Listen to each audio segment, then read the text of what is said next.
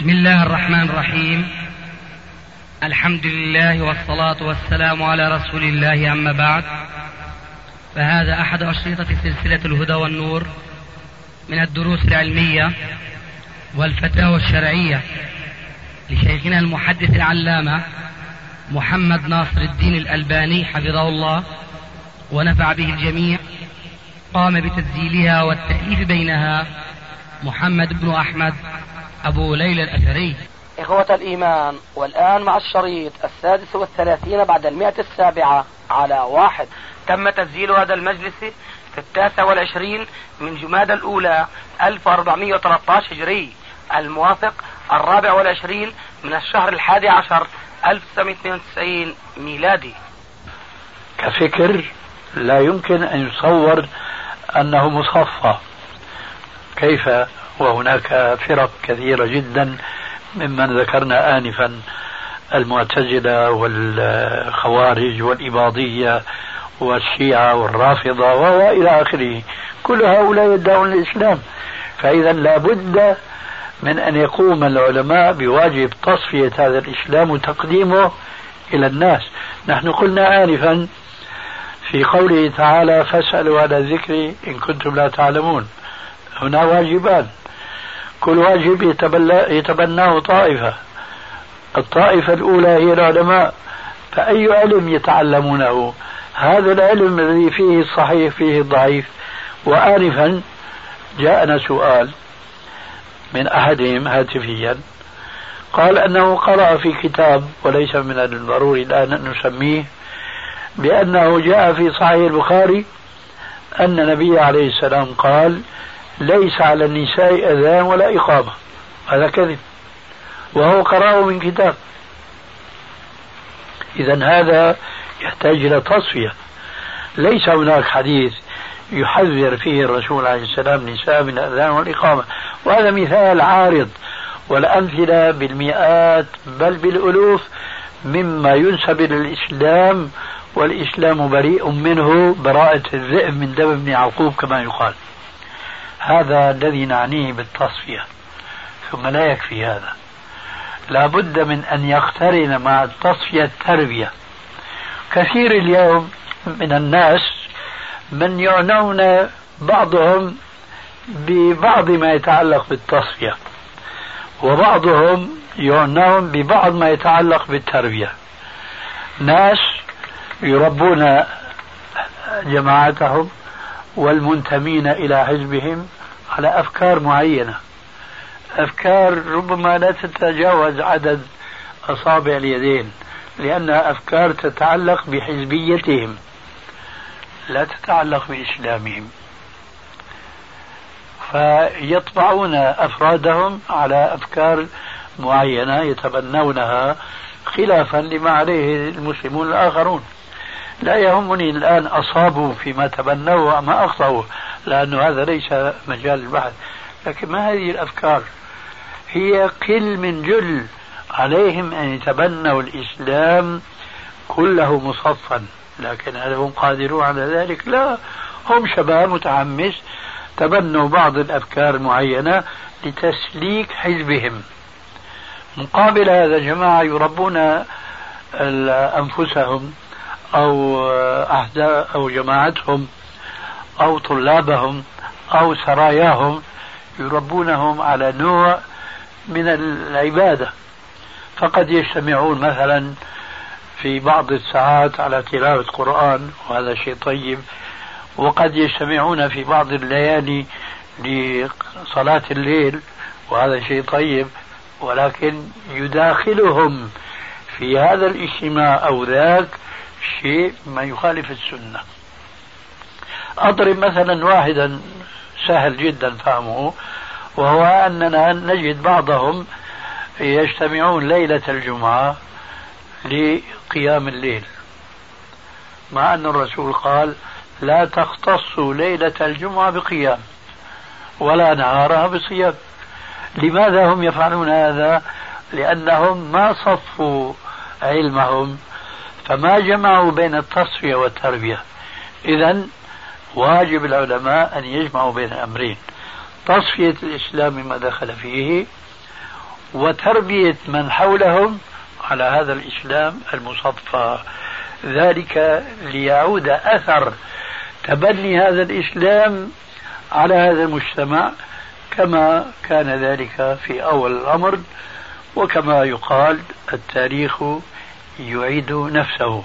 ما كان علاجا ما للأمراض المعنوية والنفسية فهو العلاج في كل زمان ومكان. وليس هو إلا القرآن مع تفسيره منه عليه السلام وعلى ما ذكرنا من إضافة منهج السلف الصالح. إذا فهؤلاء الأفراد يقومون بنقل الدعوة على المفهوم الصحيح وتربية الأفراد على هذا المفهوم الصحيح. فسواء القيام بالتصفية أو بالتربية هذا لابد له من تنظيم. فلا أحد ينكر التنظيم كلفظ مطلق لكن قد ينكر ونحن أول منكرين تنظيما لا يقوم على هذا الأساس من التصفية والتربية. واضح إذا طيب غيره.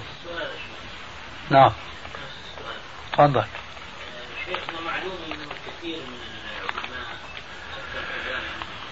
لهم دور في تشويه الإسلام بقصد أو بغير قصد. نعم. كأن مثلا يسوق في كتبهم كثير من الإسرائيليات أو الأحاديث الموضوعة. نعم. دون أن يبينوا مثلا درجة الحديث. ف... وبعضهم ممن تثق به الأمة وكذا.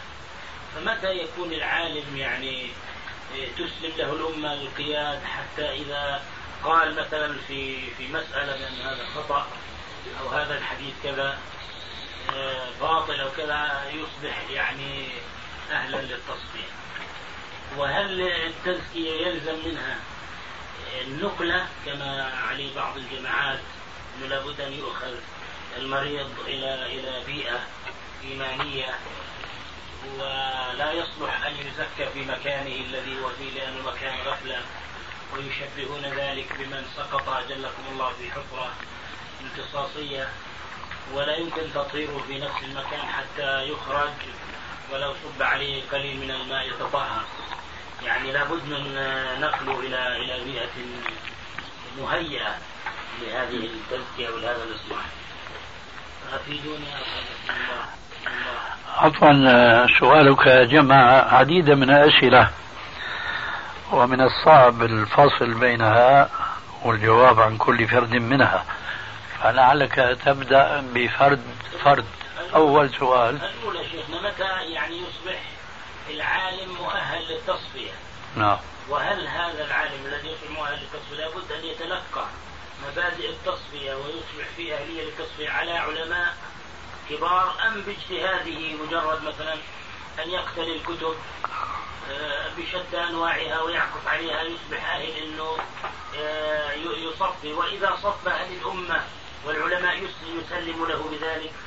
هذا السؤال الأول. وعلى كل حال أنا ألفت النظر أن مشكلة العالم الإسلامي اليوم فيما يتعلق بالعلم الذي نتحدث عن وجوب تصفيته هو أوسع من أن يستطيع القيام به عالم واحد.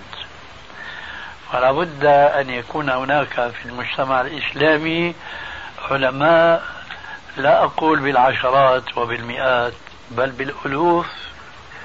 فكل يقوم في المحيط الذي يعيش فيه بهذا الواجب من التصفية العلمية. فأرجو أن لا يفهم أحد من سؤالك أن عالما واحدا في الدنيا يستطيع أن يقوم بهذا الواجب. هذا أمر مستحيل. لأن أولا العلم دائرته واسعة جدا جدا. كما قال ذلك العالم الراجز العلم إن طلبته كثير والعمر عن تحصيله قصير فقدم الأهم منه فالأهم. فأنتم تعلموا مثلا اليوم في علم التفسير في علم الحديث في علم الفقه في علم اللغة. هذه العلوم الأربعة لا بد منها ليكون المسلم يستطيع أن يقوم بما ألمحت أو أشرت إليه آنفا من وجوب التصفية للعلم. لكن هناك في كل علم من هذه العلوم الأربعة على الأقل أفراد يجب أن يتخصصوا كل في مجال علم من هذه العلوم. وهذا كما واضح جدا لا يتصور أن يكون متخصصا في التفسير متخصصا في الحديث متخصصا في الفقه. لا سيما والفقه ما يسمى اليوم بالفقه المقارن. له شعب كثيرة وكثيرة جدا ثم أيضا أن يكون متخصصا في اللغة. هؤلاء العلماء يجب أن يكون كل واحد منهم يعمل في مجال تخصصه ويتعاونون بعضهم مع بعض لتحقيق ما سميناه آنفا بالتصفية. ولذلك فلا ينبغي أن نتصور أن إنسانا يجب على الأمة كلها أن تستسلم لقيادة فكره وعلمه فقط. وإنما هنا وهناك وفي العالم كله أفراد من العلماء ينهجون منهجا واحدا على منهج الكتاب والسنة والسلف الصالح فينبغي على من كانوا دونهم في العلم أن يتبعوه. فهذا هو السبيل لتحقيق التصفية والتربية.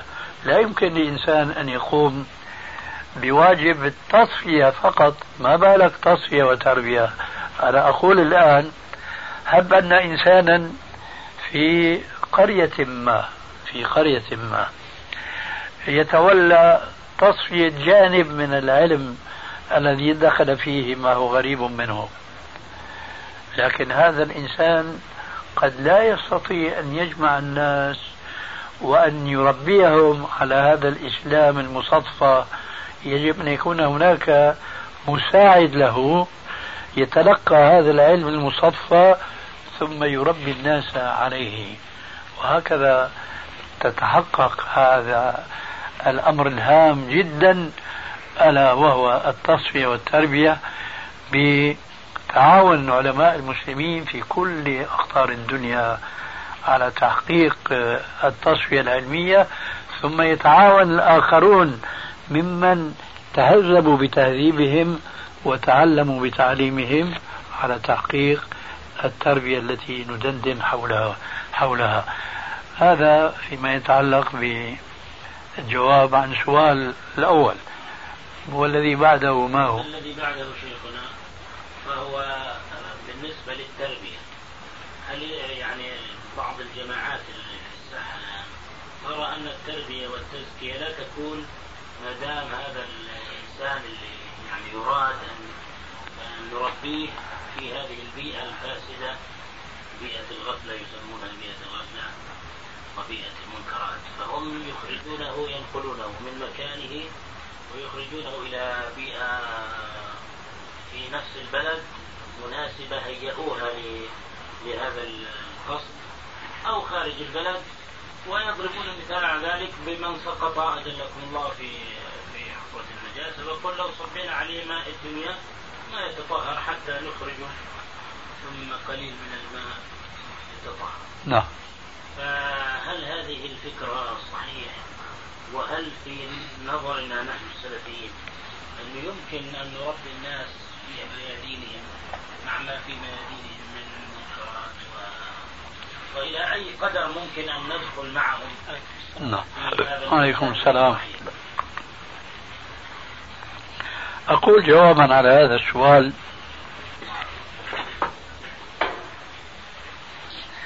لا شك أن الصورة التي قدمتها عن بعضهم هي جميلة. آه، وهو يشبه الحجر الصحي المادي ولنقل الآن الحجر الصحي المعنوي. ولكن هل هذا يمكن ولا هو أمر نظري خيالي لا يمكن تحقيقه. سنقول نمشي معهم ونوافق معهم أنه سبيل التربية هو إخراجه من الجو الموبوء إلى الجو النظيف. هذا نظري هو مقبول جدا. لكننا سنقول أين هذا الجو؟ النظيف الصافي. أين هو؟ سوف لا يستطيعون أن يقولوا هو في المريخ مثلا. هم يقولون في في المكستان في المساجد. طيب قلت لك هذا أمر نظري. في الباكستان في المساجد هناك مساجد فيها قبور. فهل هي نظيفة؟ هؤلاء مشكلتهم كما أشرنا في كلام سابق أصحابين عواطف إسلامية ولكن بغير علم. نحن نقول نظريا لابد من التربية والتربية الكاملة هو إيجاد الجو غير الموبوء لكن اليوم هذا غير موجود في العالم الإسلامي قاطبة. والآن سنعود. ما هو الجواب إذا؟ إذا كان الجو الصافي غير الموبوء مفقود مع الأسف هذا هو الواقع. نحن نقول لقد كان الجو الذي بعث فيه الرسول عليه السلام موبوءا بوباء ليس أعظم منه لأنه هو الشرك وهو قتل النفس بغير حق وهو إلى آخره مما هو معلوم.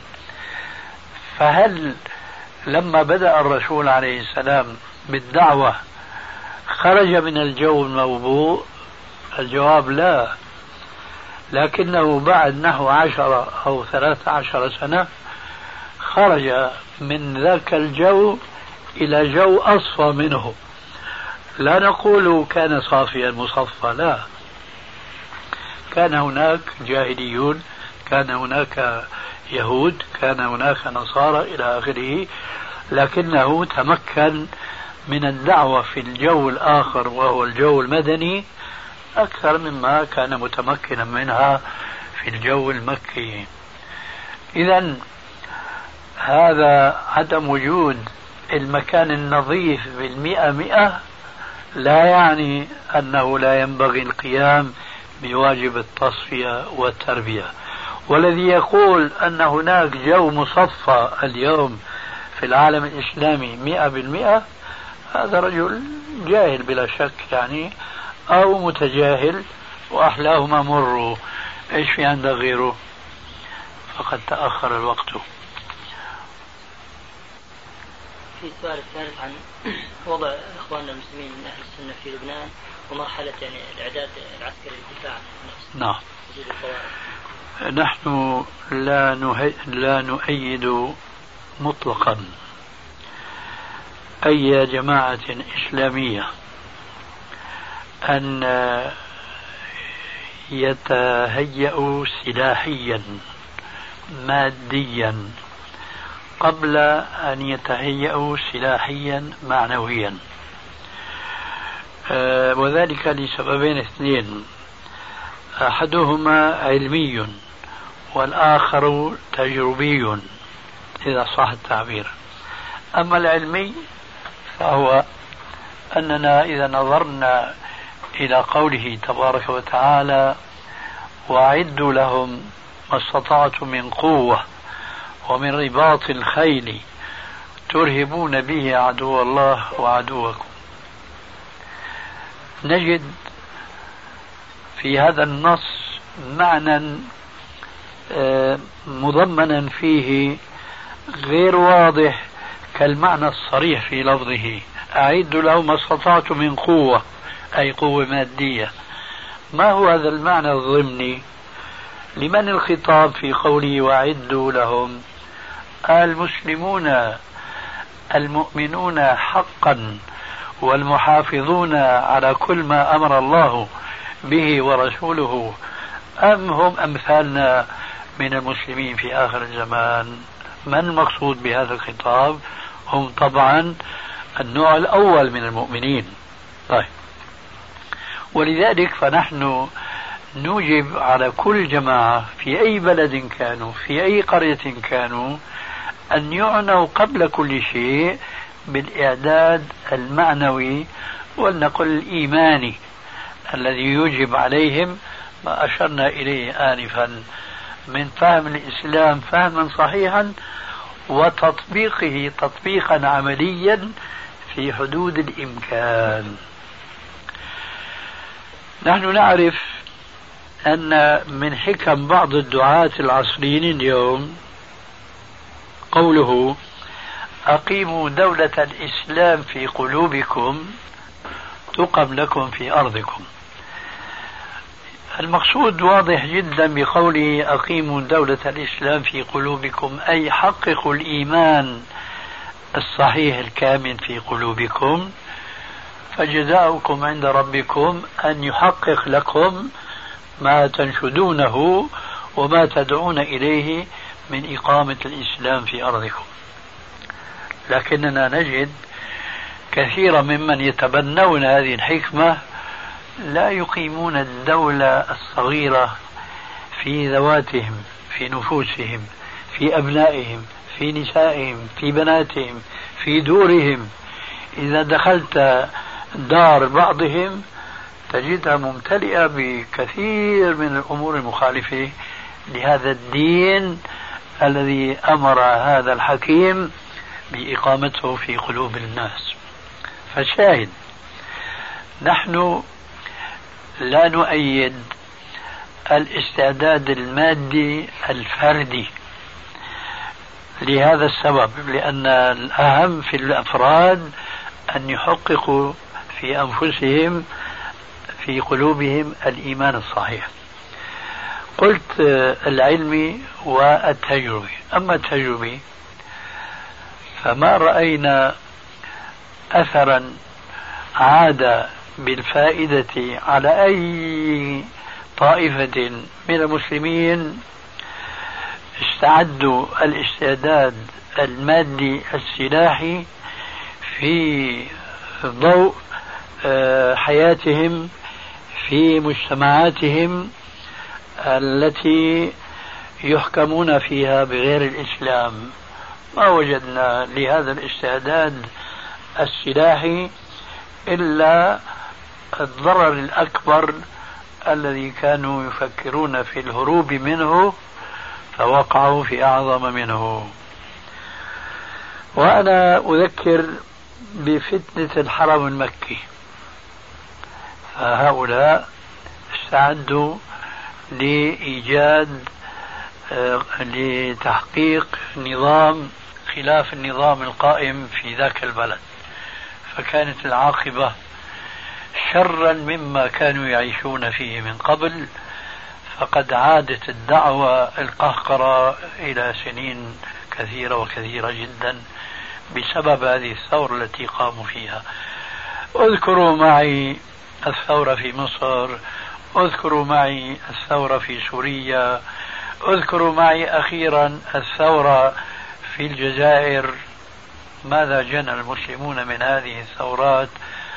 ولا نسميها ثورات وإنما من الاستعدادات السلاحي والمادي. ما جنوا إلا الحنظل كما يقال.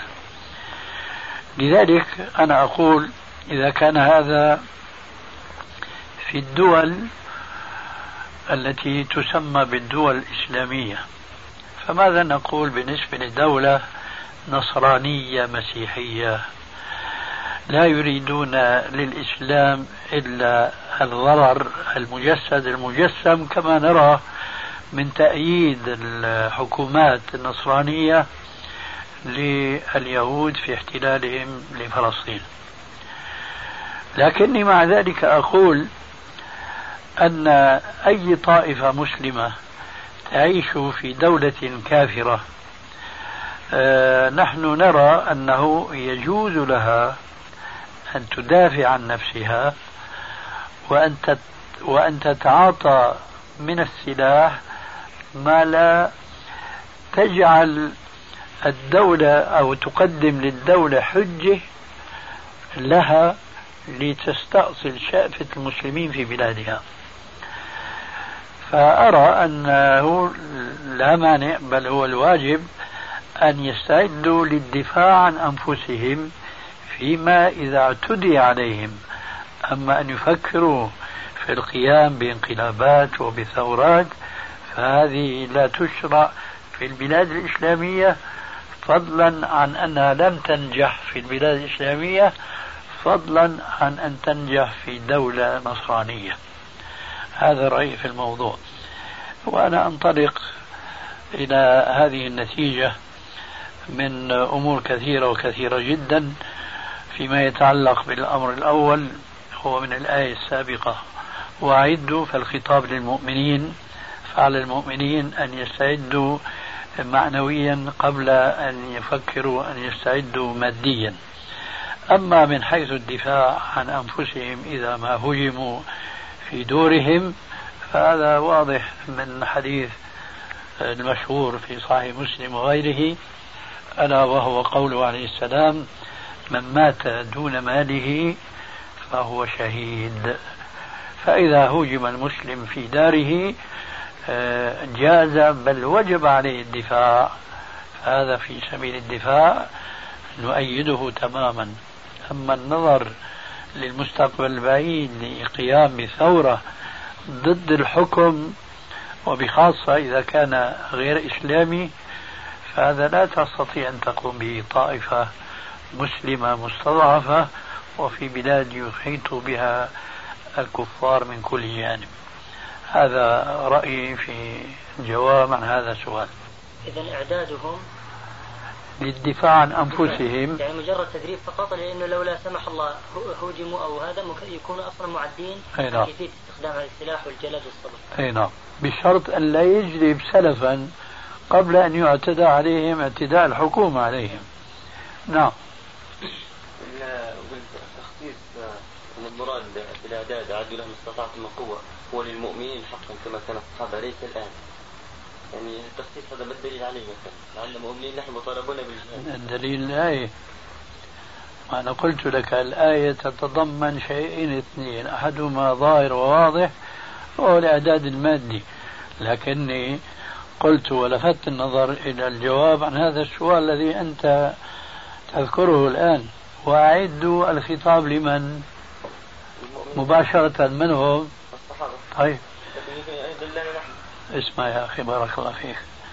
الصحابة كانوا مؤمنين حقا؟ طيب.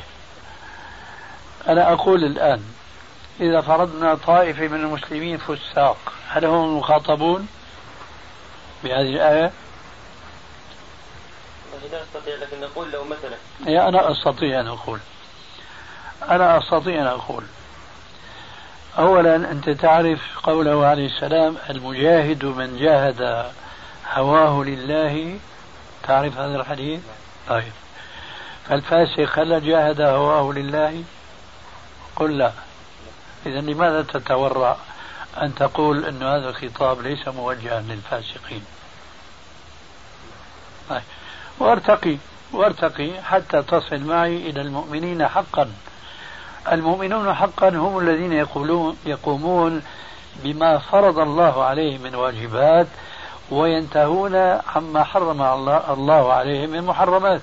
ليس من الضروري أن يكون هؤلاء يصومون الدهر ويقومون الليل. لا هذه نوافل. لكن المؤمنون هم الذين يأتون بما فرض الله وينتهون عما حرم الله. فحينما تجتمع طائفة من المؤمنين على هذه المواصفات وبإمكانهم أن يعدوا. وأظنك يا أخي أنا أستطيع أن أقول. أولا أنت تعرف قوله عليه السلام المجاهد من جاهد هواه لله. تعرف هذا الحديث؟ طيب. فالفاسق هل جاهد هواه لله؟ قل لا. إذا لماذا تتورع أن تقول أن هذا الخطاب ليس موجها للفاسقين؟ طيب. وارتقي وارتقي حتى تصل معي إلى المؤمنين حقا.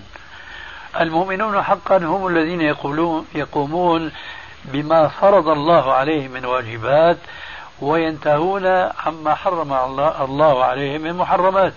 ليس من الضروري أن يكون هؤلاء يصومون الدهر ويقومون الليل. لا هذه نوافل لكن المؤمنون هم الذين يأتون بما فرض الله وينتهون عما حرم الله.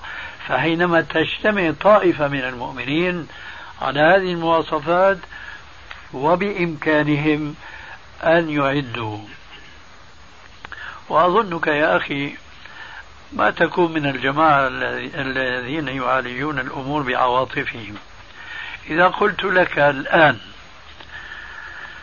الأمر هنا للمؤمنين حقا ولكن إذا كان هذا أولئك المؤمنون حقا لا يستطيعون تحقيق هذا النص القرآني وأعدوا لهم ما استطعتم من قوة. هل هم مكلفون؟ طيب. طيب فإذا هل المسلمون اليوم إذا فرضنا إذا فرضنا أن هناك طائفة من المسلمين تجمعوا في أرض ما وهم المخاطبون مباشرة بالآية السابقة كالصحابة وأعدوا لهم لكنهم لا يستطيعون. فهل تقول يجب أن يفعلوا ما لا يستطيعون؟ لا. إذا لماذا تستغرب حينما أقول لك الآية لها معنيان. معنى ظاهر صريح يفهمه كل الناس. ومعنى ضمني مضمون في خطابه تبارك وتعالى لأولئك المؤمنين الأولين. وأعدوا متى نزلت هذه الآية؟ هي ما نزلت في مكة هي نزلت في المدينة. لماذا؟ لأنهم لم يكونوا أولا بمثابة من يستحق أن يوجه هذا الخطاب. ثانيا لم يكن هناك تكتل أيضا على أساس من هذا الإيمان القوي. ولذلك فالدعوة تمشي في مراحل والتاريخ يعيد نفسه كما قلت لك آنفا. فالآن كثير من البعض الشباب المسلم الذين ينتمون إلى بعض الجماعات في مصر أو في غيره يتحمسون للإعداد المادي وهم يلقون كل بلاء وكل فتنة ويرجعون القهقرة بسبب أنهم يستعدون الاستعداد المادي قبل أن يتمكنوا منه بحيث أن تكون لهم الغلبة على عدوهم. ولذلك فأنا أرجو أن يلاحظ هنا في هذه الآية شيئان اثنان. الشيء الأول ذكرته آنفا والشيء الثاني ذكرته لاحقا وأخيرا وهو الاستطاعة. لا يكلف الله نفسا إلا وسعها. اليوم أنا في اعتقادي لا يمكن لأي جماعة مسلمة أن يطبقوا هذا النص القرآني وأعدوا لهم ما استطعتم من قوة. ومن رباط الخيل. اليوم رباط الخيل كما تعلمون يعني نادرا ما يكون له فعله المؤثر في الحروب الآلية الموجودة اليوم.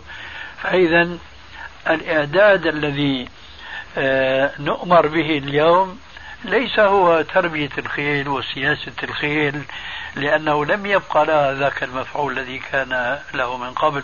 الآن قامت الدبابات والطائرات والقنابل هذه المهلكة المدمرة إلى آخره مقام هذه الوسائل التي كانت معروفة من قبل. إذا هذا الإعداد يا أخي ليس من السهل أن تقوم بجماعة من المسلمين متفرقون. أولا مبعثرون في أقطار الأرض وثانيا لم يربوا التربية الإسلامية الصحيحة على الإسلام المصفى هذا الذي نحن ندين الله به. ونعتقد أن الله عز وجل سينصر الذين يسيرون على هذا الطريق بأن ييسر لهم الاستعداد المادي كما يسر لهم الاستعداد المعنوي. والله عز وجل على ذلك قدير. غيره. خاصة يا شيخ أن وضع يعني بالذات وضع لبنان كان أصلا وضع غاب يعني فترة الحرب أن القوي يأكل الضعيف والأحزاب أيوة. الآن لما يعني استقر الأمر وبدأ يعني الحكومة مثلا تأخذ السلاح من الشعب إلى آخره إذا بقي الأمر كذلك ممكن أن تقاس على أي دولة إسلامية أخرى على أي دولة عفوا فيها مسلمون لكن هم يعني الأخوة يعني يقولون ما بلغهم أن الأمر إلى الآن ما استقر وخاصة أن مثلا ما يسمون بالأحباش أو بالشيعة أو بالطوائف الأخرى يعدون السلاح هذا ويتدربون وهم لا من يعني من أجل الهجوم فقط من أجل لو لا سمح الله اعتدي عليهم يدافعوا عن أعراضهم وعن أهليهم آه. السؤال طبعا الأخير عن مجال التعليم وخاصة هو طبعا على ما رأيت من الأخوة في جمعية الهداية والإحسان الإسلامية في طرابلس. الإخوة عندهم بشكل موجز معهد يدرس المتوسط إلى ثانوي ست سنوات. بدأوا هذا المعهد متوقعين أن العدد يكون قرابة الأربعين. على هذا الأساس بعض يعني المنشورات دعاية لهذا المعهد لمن أراد من يعني أن يدرس أبناء أو بناته أيوة. في هذا المعهد. الذي حدث أن بعض الطوائف من خاصة الشيعة أو الأحباش غالبا آه، كانوا الإخوة يعني يضعوا المنشورات فتزال فورا. فالناس يرون هذا الأمر. ثم توضع أمام الناس إذا جف الصمغ إلى آخره تطمس بالدهان. ويبقى أثر أن الناس يرون يعني معهد الهداية والإحسان الإسلامي. فالآن الناس يعني سبحان الله هؤلاء أرادوا شيئا والله سبحانه وتعالى مكر بهم فاضطروا الأخوة إلى أسلوب آخر بالسيارة ومذياع وفي أنحاء البلاد وبل وبالإذاعة. هذا الأمر فاجأهم. إذ أنه بدل العدد ما يكون خمسين أو أربعين جاء بالمئات. وصل خمسمائة. الآن اللي موجودين الإخوة كمستوى بعضهم درس يعني في الجامعة الإسلامية في المدينة وعاد وبعضهم يعني الآن يدرس في معهد موجودين رجال. يعني أقصد ذكور العدد الذي قدم منه نصفه تقريبا يعني أولاد ونصفه بنات يتفاوتون ما بين هذه المراحل. نعم. بالنسبة لمسألة التعليم طبعا سد الثغرة بالنسبة للذي يدرس يعني الأولاد رجال بالنسبة للنساء بعض الأخوات يعني استطاعت أن تقوم بالتدريس البعض يعني الأكثر ما في يعني هذه الإمكانية أن النساء تدرس خاصة بعض المواد الدينية خاصة المعهد كله إسلامي يعني مواد دينية فاضطروا إلى أن بعض الإخوة مؤقتا يدرس الفتيات مؤقتا وينبه الأخوات أنه هذا ما ينبغي وما يصح ولا يعني دين الله سبحانه وتعالى بهذا نحن الآن بضرورة فقط اضطرارنا للحم الخنزير أو إلى الخمر فقط يعني بحال مؤقت إلى حين أن إحدى كنا أو بعضكن يعني تكون أهلا لأن تسد هذه الثغرة. نعم. فلما رأيت أنا يعني الوضع كذلك قلت يعني ما أستطيع أتكلم في هذه المسألة حتى أنقل الصورة للشيء. نعم. الشيء الآخر أنه أنتم يعني على الأقل تأخذوا بأقل الضرر إن كان هذا الأمر يعني مضطرين. فالأصل أن يكون يعني المدرس إذا تيسر متزوج ثم يكون طبعا باب أولى يعني إنسان ذو دين وخلق. هذا شيء. الشيء الآخر أنه من وراء حجاب إن تمكنتم. يعني الأصل بغض النظر بحث عورة أو غير عورة الحجاب غطاء الوجه. المأمورون رجالا ونساء بغض البصر. فحتى يتمكن المدرس من إلقاء الدرس. قد لا يستطيع أن يكون غاض البصر ولو وضعتم ستار فقالوا الستار يمنع الطالبات من رؤية اللوح الذي يشرع عليه بعض المواد العلمية كالحساب والرياضات إلى آخره. قلت يا إخوة يعني على الأقل أن يروا الطالبات اللوح طبعا مع المدرس ولا يراهن المدرس. إما شرحوها بطريقة مرآة عاكسة وإما بالزجاج الملون. بوضع الزجاج وبعض كشافات يمين ويسار يصبح هو يرى نفسه مرآة وهم يرون اللوح ويرونه. على الأقل فأنا سؤال يعني من هذا الباب هل الوضع إلى الآن يعني يعتبر سليم؟ أنا أقول بارك الله فيك هذا الذي يعني ذكرته هو الواجب أن يتخذوه لأنه صحيح أن الضرورات تبيح المحظورات لكن هذه القاعدة ليست على إطلاقها وإنما هي مقيدة بقيد ألا وهو الضرورة تقدر بقدرها فالنماذج التي أنت أو الوسائل التي اقترحت عليهم أن يتخذوها هذا أمر واجب. كمثل هذه الوسائل التي تحول بين المعلم وبين رؤيته للفتيات وكذلك أن أن يكون متزوجا محصنا فكل هذا الذي ذكرته هو داخل تماما في القاعدتين المذكورتين الضرورة تبيح المحظورات والضرورة تقدر بقدرها.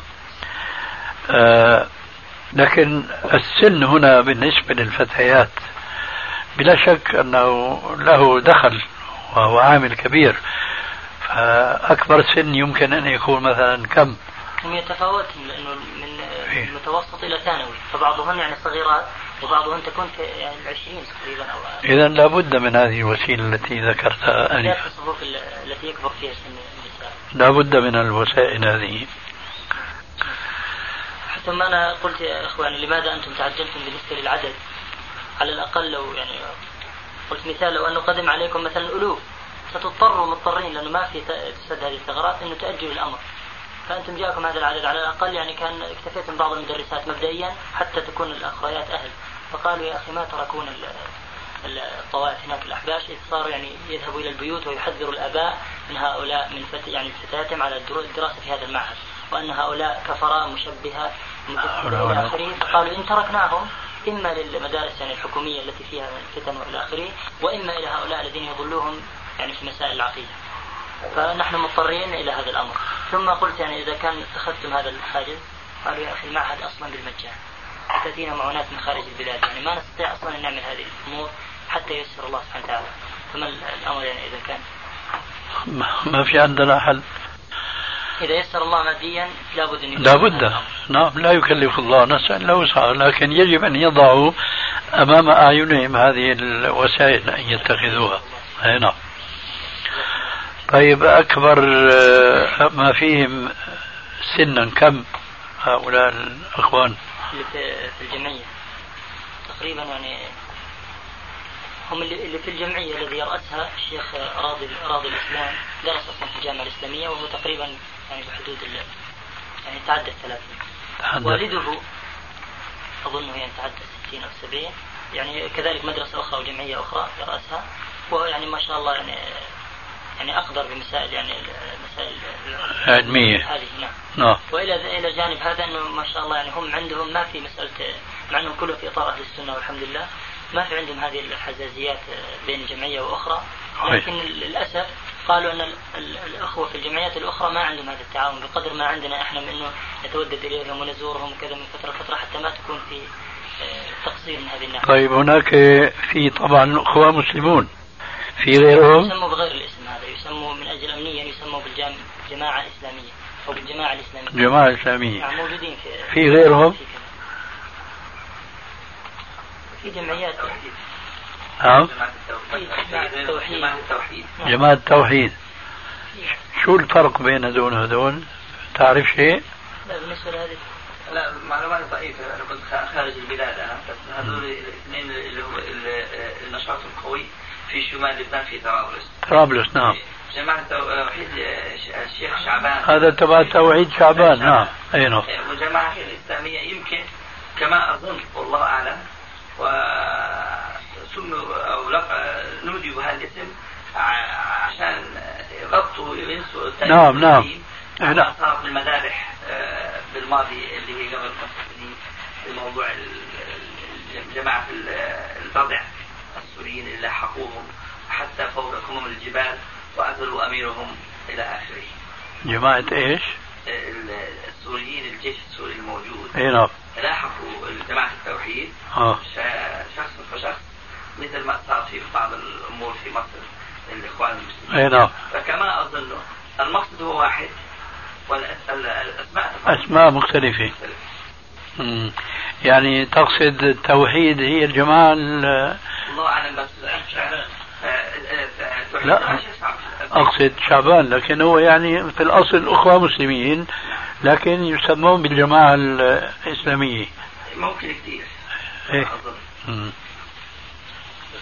طيب موقفهم بالنسبة لأخواننا ما في يعني هم بالنسبة لمسألة يعني الطوائف ذكرناها يعني ما أكيد واضحة لأنه الأخوة ما شاء الله يعني حريصين على مسألة الولاء والبراء بالنسبة للطوائف الأخرى إيه. لكن كداخل أهل السنة إذا ذكرنا مسألة يعني الإخوان والجماعات الجماعات الأخرى الذين يعني يؤمنون بالتنظيم كما ذكرت إيه. فهم يعني يحاول إنه مثلا الذي يعني يخطو معه خطوات حتى يبين له أن الأصل في هذا الدين اتباع السنن واتباع الأحاديث والكتاب والسنة إلى آخره نعم مجرد يعني جهد فردي لأنهم هم يعني لو حاولوا مع يعني الكبار ال- القوم لا يعني لعلهم ردوا أو إلى آخره. أي نعم. لكن أنا حديثي يعني شيخ عن الإخوة اللي هم أصلا إن شاء الله على الكتاب والسنة ومنهج السلف.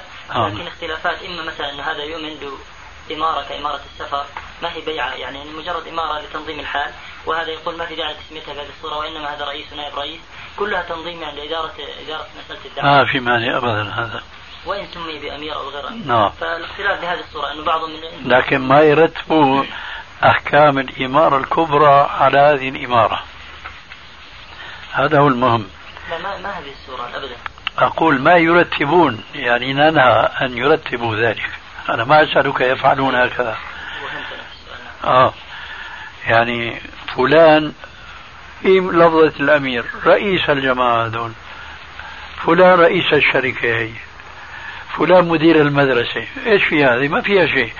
لكن مدير المدرسة أمر بأمر هو في الأصل أنه مباح شرعا لكن ما يجب على الآخرين أن يتبنوه كما لو كان الأمير المؤمنين هو الذي أمر. فهذه الأحكام المتعلقة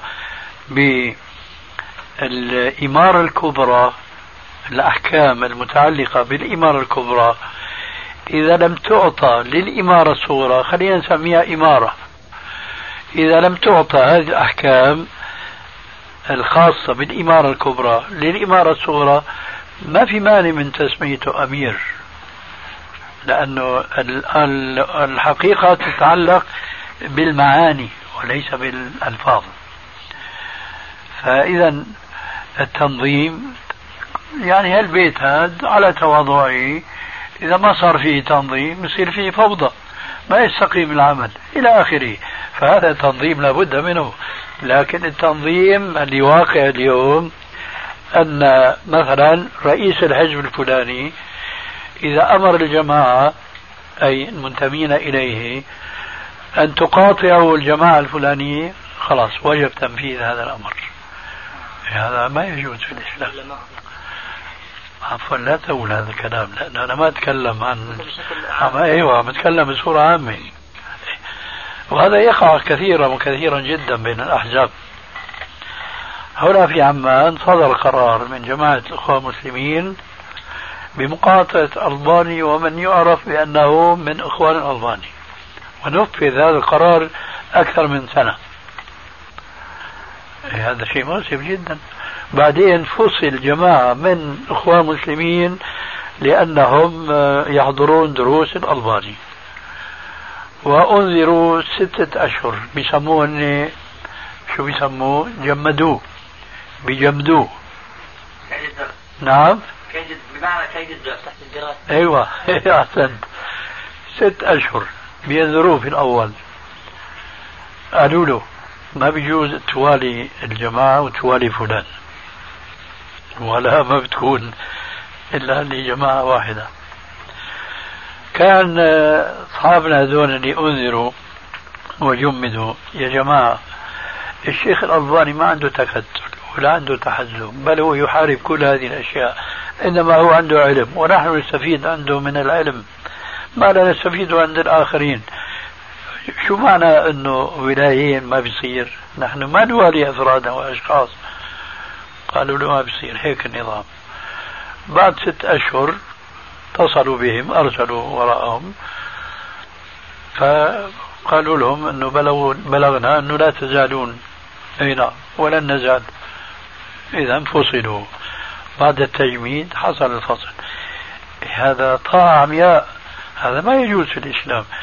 الخليفة الذي يبايع من عامة المسلمين يكون قد اتصف بصفات يليق أن يكون إماما للمسلمين إمامة كبرى. يكون عالما يكون صالحا يكون حكيما يضع الأشياء مواضيعها إلى آخره. قد يكون رئيس جماعة قد يحكم بغير ما أنزل الله نفس رئيس الجماعة. قد قد يكون في آل بيته ليس كما أمر الله ورسوله إلى آخره. مع ذلك إذا اتخذ قرار فيجب تنفيذه. هذا الذي نحن ننكره أشد الإنكار. لا ننكر التنظيم لإدارة أمون دار مدرسة جماعة إلى آخره لكن ننكر تنظيما يؤدي إلى مخالفة الأحكام الشرعية. البيعة مثلا ما في بالإسلام بيعة إلا لشخص واحد في الدنيا وهو الخليفة المسلم. ولذلك قال عليه السلام تحقيقا لهذا المعنى إذا بويع لخليفتين فاقتلوا آخرهما اقتلوا آخرهما. الآن كم أمير يبايع على وجه الأرض الإسلامية؟ وإمارة يجب طاعته طاعة عمياء إذا قال قاطع فلان خلاص يقاطع. هذا ما يجوز إسلاميا. ولذلك فلا يكون في حرج من مثل هذا التنظيم ولنسميه تنظيما إداريا. إدارة فقط. ما في مانع منه أبدا. الإمارة الصغرى إذا كانت إمارة السفر ألا يطاع إذا كان الأمر مباح من أجل يعني عدم تفريق الصف نعم يطاع لكن لا يترتب من معصيته معصية آه، من لا يطيع الخليفة المسلم. أي أيضا إطاعة إدارية لتنظيم سلوك الجماعة بعضهم مع بعض حتى يعودوا إلى بلدهم. ليس هو الذي قال عنه الرسول عليه السلام من أطاعني فقد أطاع الله. ومن أطاع أميري فقد أطاعني ليس هذا هو أمير السفر فهمت علي؟ إذا من؟ خليفة خليفة كان مددد حول هذا أمير السفر إذا عصي تعتبر معصية كيف؟ أمير السفر إذا عصي هل تعتبر معصية؟ لا لا يعتبر معصية هو الذي أنا عنيته لما قلت ليس هذا الأمير هو الذي قال فيه الرسول عليه السلام من أطاعني فقد أطاع الله ومن أطاع أميري فقد أطاعني. لا هذا الإمارة الكبرى. أما هذه إمارة تنظيمية ينبغي لهم إذا أرادوا أن تستمر سفرتهم على وفاق وعلى آه، راحة وصلاح ونحو ذلك أن يستمروا على ذلك. يعني هنا يقول بعض العلماء أنه إذا كنتم ثلاثة فأمروا أحدكم. هذه هذا أمر إرشاد. أمر إرشاد. يعني لصالح هذه الجماعة. أما هناك من أطاعني فقد أطاع الله ومن أطاعني ومن أطاع أمير فقد أطاعني. هو الأمر فيما يتضمنه هذا الحديث هو أمر وجوب. كما جاء في كثير من الأحاديث أنه يجب إطاعته ولو أخذ مالك وضرب ظهرك. تعرف هذا الحديث؟ هذا حديث في صحيح مسلم. يجب نعم. شيخنا ما تفرع عن الأمير الأعظم؟ كيف؟ ما يتفرع عن الأمير الأعظم؟ يأخذ نفس الحكم؟ أقصد هذا الذي أردت أن أوضحه. تقصد الأمير الذي أمره الأمير الأكبر. طبعا. نعم نعم. المهم أن يكون هذا الأمير الأول. فيجب إطاعته ولو أخذ مالك وجلد ظهرك. الحديث في صحيح مسلم. فهذه الأحكام لا تنقل إلى الإمارة الصغرى التي ليست بإمارة كبرى. ولعل في هذا القدر كفاية والحمد لله رب العالمين. يا الله. يمكن. آه بعد الخروج يسأل يعني كتاب العواصم من القواسم قال عنهم بعض الأشياخ أنه كتاب القواسم من العواصم. هل يستقيم يعني ذم هذا الكتاب كونه مذموما؟ ليش ما عيبه؟ هو لم يذكر لكن قال الأسماء للشيخ لا تسمعوا كلاما هكذا مطلق على عوائنه. اطلبوا الكلام مع البيان. هذا المؤلف رجل عالم فاضل وعالم كبير جدا كان أصله من الزيدية ثم هداه الله عز وجل للحكم بالكتاب والسنة وعلى منهج السلف الصالح ولقي مقاومة شديدة جدا من أهل مذهبه. الزيديين. ولكن أبى الله أن يتم إلا كتابه. فإذا وجد فيه بعض الأمور فهذا أمر كما قال الإمام الشافعي رحمه الله أبى الله أن يتم إلا كتابه. ثم ما هو المقياس في قراءة الكتب؟ يقينا لا كتاب معصوم. إلا القرآن الكريم وإلا ما صح عن الرسول المعصوم. أما أي كتاب فلا بد من أن يكون فيه خطأ وصواب. فإذا قلنا لا تقرأ إلا كتابا معصوما معناه كأننا نقول لا تقرأ إلا القرآن ولا تستفيد إلا القرآن. القرآن بحاجة إلى تفسير وكتب التفاسير كثيرة. هل يوجد تفسير لا يوجد فيه خطأ؟ هذا مستحيل. إذا ما هو الضابط لنعرف أي كتاب نقرأ؟ الكتاب الذي يغلب صوابه خطأه فهو الذي يجب أن نقرأه وإلا ما سلم لنا كتاب فهذا الذي أنت تشير إليه. قلب اسم الكتاب. لماذا؟ لأنه وجد لأنه وجد فيه خطأ. اثنين ثلاثة أربعة إلى آخره. ما عرفت لماذا؟ كان ينبغي هو عليه أولا أن يبين لماذا ولو لم يسأل. ثم كان على من سمع منه هذا الكلام أن يتبين منه أن يسأله لماذا. فإذا قال أخطأ في كذا طيب ما في كتاب إلا أخطأ في كذا وكذا؟ فأنت بتقول أخطأ في العقيدة. ما هي العقيدة التي أخطأ فيها؟ هو لم يبين إيش الفائدة بارك الله يعني قصدي من تنصح كيف؟ ما إيش معنى كلامي أنا؟ نعم. طيب شيخ حديثي السوق والزبد. بعد الرسالة التي صدرت يعني مؤخرا في تضعيف الرسالة من غير صاحب رسالة. كيف يعني ما آه. ما يحتاج إلى بيان. الرجل ليس هؤلاء من الناشئين في علم الحديث. والجرح والتعديل والتصحيح والتضعيف.